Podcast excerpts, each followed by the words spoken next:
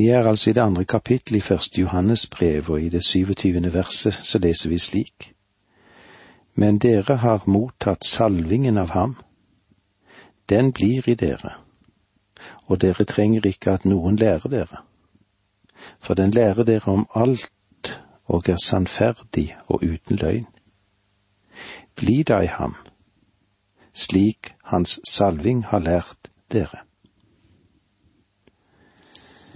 Det er eh, viktig det Johannes lærer oss. Det er vesentlige sider han har å si oss, vi som er Guds barn i dag. Men dere har mottatt salvingen av ham. Vi har eh, vært innom dette tidligere, da han talte om salvet av Den hellige ånd. Salvelsen ved Den hellige ånd. En av De hellige ånds tjenester, det er å lære oss. Han er i stand til å lede oss inn i hele sannheten. Den Herre Jesus sa det slik, han som var den store læreren. Men talsmannen kommer Den hellige ånd, som Faderen skal sende i mitt navn. Han skal lære dere alt og minne dere om alt det jeg har sagt dere, som det står i Johannes 14, 26. Den hellige ånd vil lære dere alle ting, det vil si alt dere er i stand til å beholde. For den lærer dere om alt og er, er sannferdig, og den er uten løgn. Bli da i ham, slik som hans salving har lært dere. Det er blitt gitt dere en salvelse som gjør dere i stand til å forstå alt sannhet, fordi, slik et menneske er i seg selv, tar det ikke mot det som hører Guds ånd til, for ham er det uforstand, og han kan ikke fatte det. Det kan bare bedømmes på åndelig vis, som det står i første Korinterbrev. Og Paulus har også fortalt oss dette tidligere. Det intet øye så, og intet øre hørte. Det som ikke kom opp i noe menneskes tanke. Alt det Gud har gjort ferdig for dem som elsker ham. Dette har Gud åpenbart for oss ved sin ånd. For ånden utforsker alle ting, også dybden i Gud. Dette er salvelsen ved Den hellige ånd for en troende. Og det er en av årsakene til at jeg oppmuntrer mennesket til å trenge inn i Guds ord. Ikke bare trenge inn i det, men lese det, granske det, studere det. Vi får flere oppmuntrende brev fra folk som hører på dette programmet, og de skriver for å gjøre opptak av de stundene som veien gjennom Bibelen har. De tar det kanskje opp på kassett og senere kan de gå tilbake og granske det de har hørt. Og så kan de òg gå tilbake til de henvisningene som blir gitt. Studere det litt nøyere.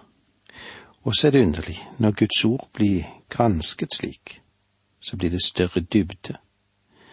Og øynene blir åpnet, og de får lov til å se Jesus på en annen måte. Hva har hendt? De har fått oppleve det vi kan si en salvelse. Og jeg tror på denne salvelsen. Men det er en hel del av følelsesmessig omrøring i det som har med åndslivet å gjøre, som jeg ikke tror på, fordi det ikke opplyser din forstand, og det øker heller ikke kjærligheten til Guds ord, og heller ikke til den Herre Jesus Kristus. Det har lite å si hvor mye du pisker opp i din egen religion. Du kan piske den opp på mange forskjellige måter følelsesmessig, og det kan gi visse utslag, men det har liten verdi. De opplysninger som gjør det slik at vi får mer av Gud, er når du trenger deg dypere og dypere inn i ordet i det ordet som Han vil gi deg. Hele poenget med det som vi er innom her, er at både du og jeg en dag kan stå fast ved det som gjelder forståelsen av Guds ord, som òg Peter sier det. Vær alltid beredt til forsvar når noen krever dere til regnskap for det håp dere eier, som det står i første Peter 3,15. Det er her vi trenger å gå dypere inn i Guds ord for kjennskap til det Han har å si oss, slik at vi kan være beredt til forsvar når det er noen som krever det. For vi har jo et håp. Det er òg en alvorlig fare som jeg ønsker å peke på. Jeg har møtt noen mennesker som har studert Guds ord i mange, mange år, men eh, de har ikke kommet noen vei. De er som kvinner som er nedlesset i synder og lar seg drive av all slags begjær, og som stadig vil lære, men aldri lære sannheten å kjenne, som det står i 2. Timotius brev 3, 6 og 7. De synes aldri å nå frem, men de er opptatt av det religiøse, og de er opptatt av Bibelen. Men eh, granskingen, studien, innsikten i Guds ord, det går de hus forbi. Med andre ord bør vi komme til et punkt der Guds ånd får lov til å være den som lærer oss.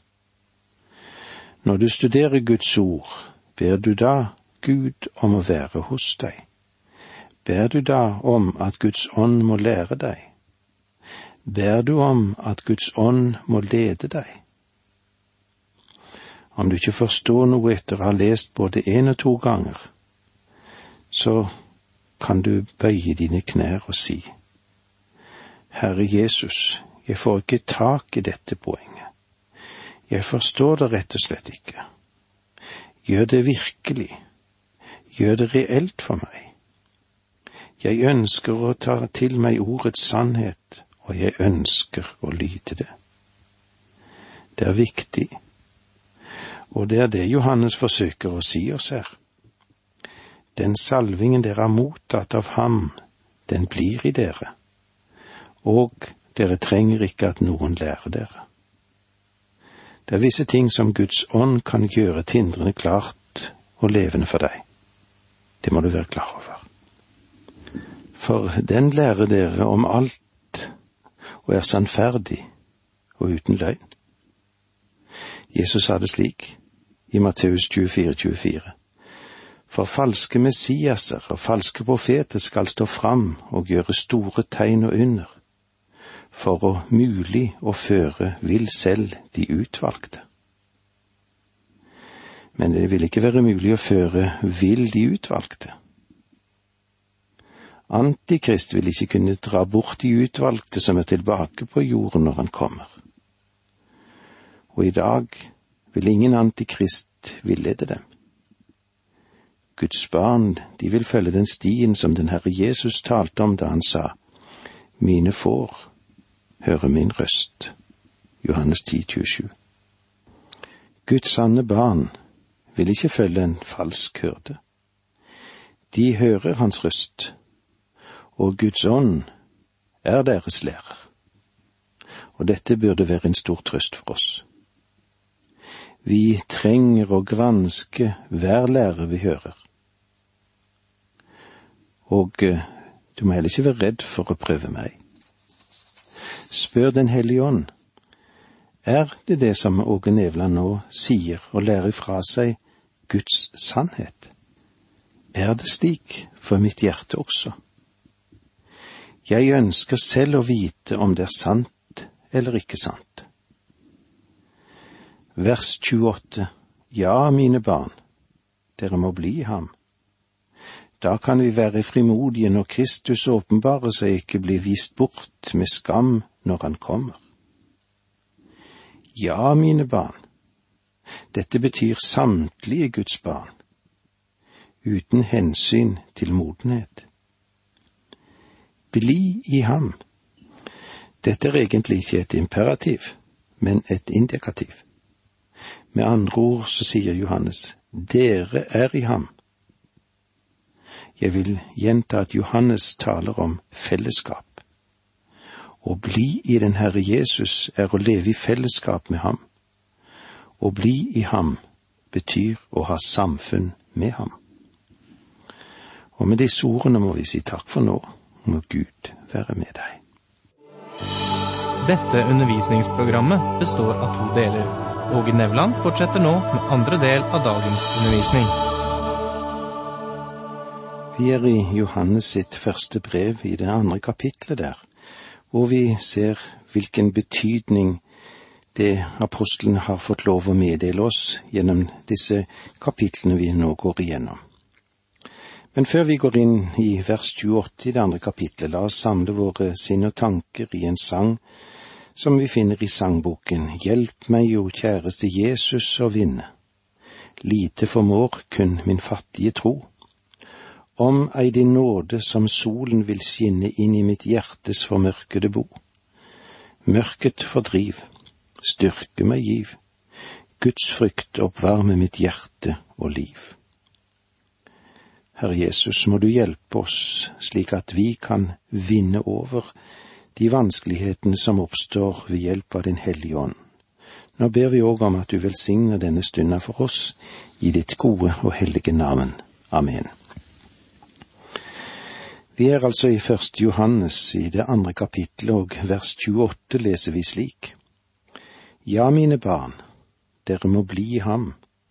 Da kan vi være frimodige når Kristus åpenbarer seg, og ikke bli vist bort med skam når han kommer. Spørsmålet er hvordan er det med oss? Har du og jeg frimodighet til å møte Jesus dersom han kom nå? Ligger det en synd og gnager i samvittighetene? Hvordan er det med deg? Kanskje var det noen mennesker som vi skulle snakket ut med. Kanskje det var noen som vi skulle bedt tilgivelse hos. Kanskje det var noen som vi skulle ha sagt et ord til om Jesus. Det er kanskje en del av oss som lever uten å ha en frimodighet. Da kan vi være frimodige, frimodige når Kristus åpenbarer seg. Grunnen til dette kan ligge i at vi ikke har det helt oppgjort rundt oss. Kanskje det kan være noe synd, eller uklarhet i synet på frelsen. Men det er livsfarlig, dette, å leve uten frimodighet for Gud og for mennesker. Det hender ikke så sjelden at slike syke, ulykkelige sjeler finner på noe ekstra for å få frimodighet. Og da er det godt å vite hva denne gamle apostelen sier til oss. Bli i ham bli i ham, dere må bli i ham, mine barn. I Kristus, der er vår frimodighet, og der er alt det vi trenger, alt det vi behøver. Derfor gjelder det for oss alle sammen å være i ham. Der, når vi er i Kristus, da blir synden levende og sort. Men så har vi noe som er enda større. Da blir nåden kjær for oss. Der får jeg lov til å se all min skyld, og så får jeg lov til å kaste alt sammen i nådens bunnløse hav. Der får jeg oppleve at Frelserens armer, de omfavner meg. Der har synd og Satan ingen rett på meg. Der kan dommen ikke nå meg, for Kristus er alt for meg. Og så lenge jeg eier ham, eier jeg jo frimodighet for hans skyld. Ja, mine barn, dere må bli ham. Da kan vi være frimodige når Kristus åpenbarer seg, og ikke bli vist bort med skam når han kommer. Når Kristus åpenbarer seg. Her finnes altså ingen usikkerhet. Her er ingen tvil om at han kommer eller ikke. Det som er klart med dette ordet, det er her er visse intervaller som ligger foran oss før han kommer. Selv om vi kan være salvet med Den hellige ånd, så vet vi ikke når Jesus kommer. Det er noe som han har reservert for sin egen del, det. Eller det ligger i Guds hjerte, og det er der kjennskapen og kunnskapen om dette ligger. Hvorfor har han ikke åpenbart for oss hvilket øyeblikk han kommer? Da kan vi være frimodige når Kristus åpenbarer seg, ikke blir vist bort med skam når han kommer. En kristen bør leve i lys av Kristi umiddelbare komme. Om du i dag sier til meg at han ikke kommer før om ti år, så behøver jeg jo ikke å bekymre meg om den saken i dag. Jeg kan jo leve litt mer romslig, kanskje likegyldig. Men om han kommer i dag, om han nå kom i dette øyeblikk, da vil han komme mens jeg satt og forberedte dette bibelstudiet, og det hadde vært utmerket. Jeg håper han vil komme i et øyeblikk når jeg gransker Hans ord, men jeg vet ikke når Han kommer. Så du og jeg, vi trenger å leve i lyset av Hans umiddelbare komme til enhver tid. Da kan vi være frimodige når Kristus åpenbarer seg, og ikke bli vist bort med skam når Han kommer. Johannes sier noe av det samme her som Peter sa.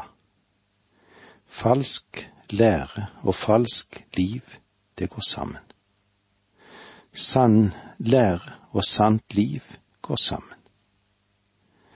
Det er ikke noe som vil virke så sterkt på ditt liv i en riktig retning som kunnskapen om at du en gang skal stå for Kristi åsyn, og der skal du gjøre regnskap for livet ditt og for gjerningen din. Alle troende skal stå for Kristi domstol. Paulus sier det slik i 2. Korinterbrev 5.10. For vi skal alle fram for Kristi domstol. For hver og en skal få igjen for det han har gjort i sitt liv i legeme, enten godt eller ondt. Spørsmål om frelse er her allerede avgjort, for vi er jo hans barn. Også er det spørsmål hvordan vil vi stå for hans åsyn. Det er ikke spørsmål om hvorvidt du er blir frelst eller går fortapt. Det er spørsmål om du skal få noen lønn eller anerkjennelse. Noen vil komme til å stå der uten anerkjennelse. Paulus skriver videre, fordi vi kjenner frykten for Herren, prøver vi å overbevise mennesker, som det står i det ellevte verset i femte kapittel i annet Korinterbrev. Det er ikke sikkert at bortrykkelsen blir en så fengslende hendelse. For mange troende, hvordan det? På grunn av det liv som de levde her nede. Noe å tenke på for oss alle. Vers 29 kapittel 2 Dere vet at han er rettferdig, og da skjønner dere også at det er den som lever rett, som er født av ham. Dette er det avgjørende bevis. Dette er det siste utskillingskriterium. Guds ord er en sann prøve. Egentlig sier Johannes at Guds barn likner Faderen. De tar etter det far gjør. Om de ikke ønsker å ta etter det far gjør, så må det skyldes at de ikke er fars barn. Så enkelt er det. Det var det vi hadde med oss i kapittel to. Når vi nå går over i kapittel tre, så vil vi se hvordan barna kan kjenne hverandre og leve sammen. Det siste verset i kapittel to er egentlig knyttet sammen med de tre første versene i kapittel tre. Og det siste verset i det foregående kapittel lød slik. Dere vet at han er rettferdig, og da skjønner dere også at det er den som lever rett som er født av ham. Én ting er å avlegge vitnesbyrd om at vi kjenner ham og er i ham. Noe helt annet er det å leve det liv som forteller at han er vår rettferdighet. Det er vidunderlig å vite at vi er i den stilling at vi er i Kristus, at vi er anerkjent i den elskede Sønn. Men det er noe helt annet å ha et liv her nede som sammenfaller med dette. Johannes forteller oss at vi kan kjenne andre troende ved deres liv, og ikke gjennom leppene deres. Rettferdigheten er at familiens karaktertrekk gjennom Faderen. Det er der vi ser det. og vi kan òg se det gjennom hans barn. Guds barn tar rett av sin far.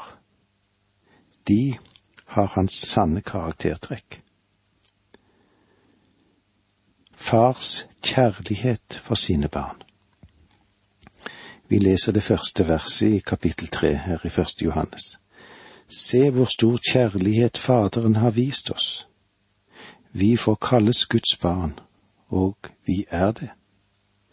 Verden kjenner oss ikke fordi den ikke kjenner ham.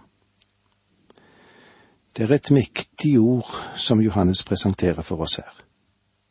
Johannes sier at vi ikke venter på å bli Guds barn. Vi er Guds barn.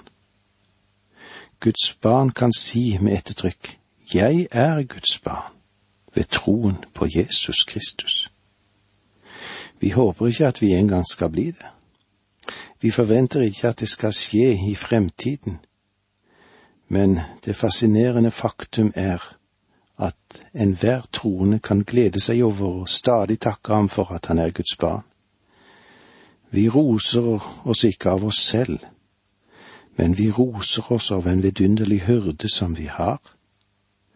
Johannes gjør det helt klart at om du er gjenfødt som Guds barn, så skal ditt liv vise en likhet med Faderen. Johannes sier, nå er vi Guds barn. Nettopp nå er vi Guds barn. Og med disse ord må vi si takk for nå, må Gud være med deg.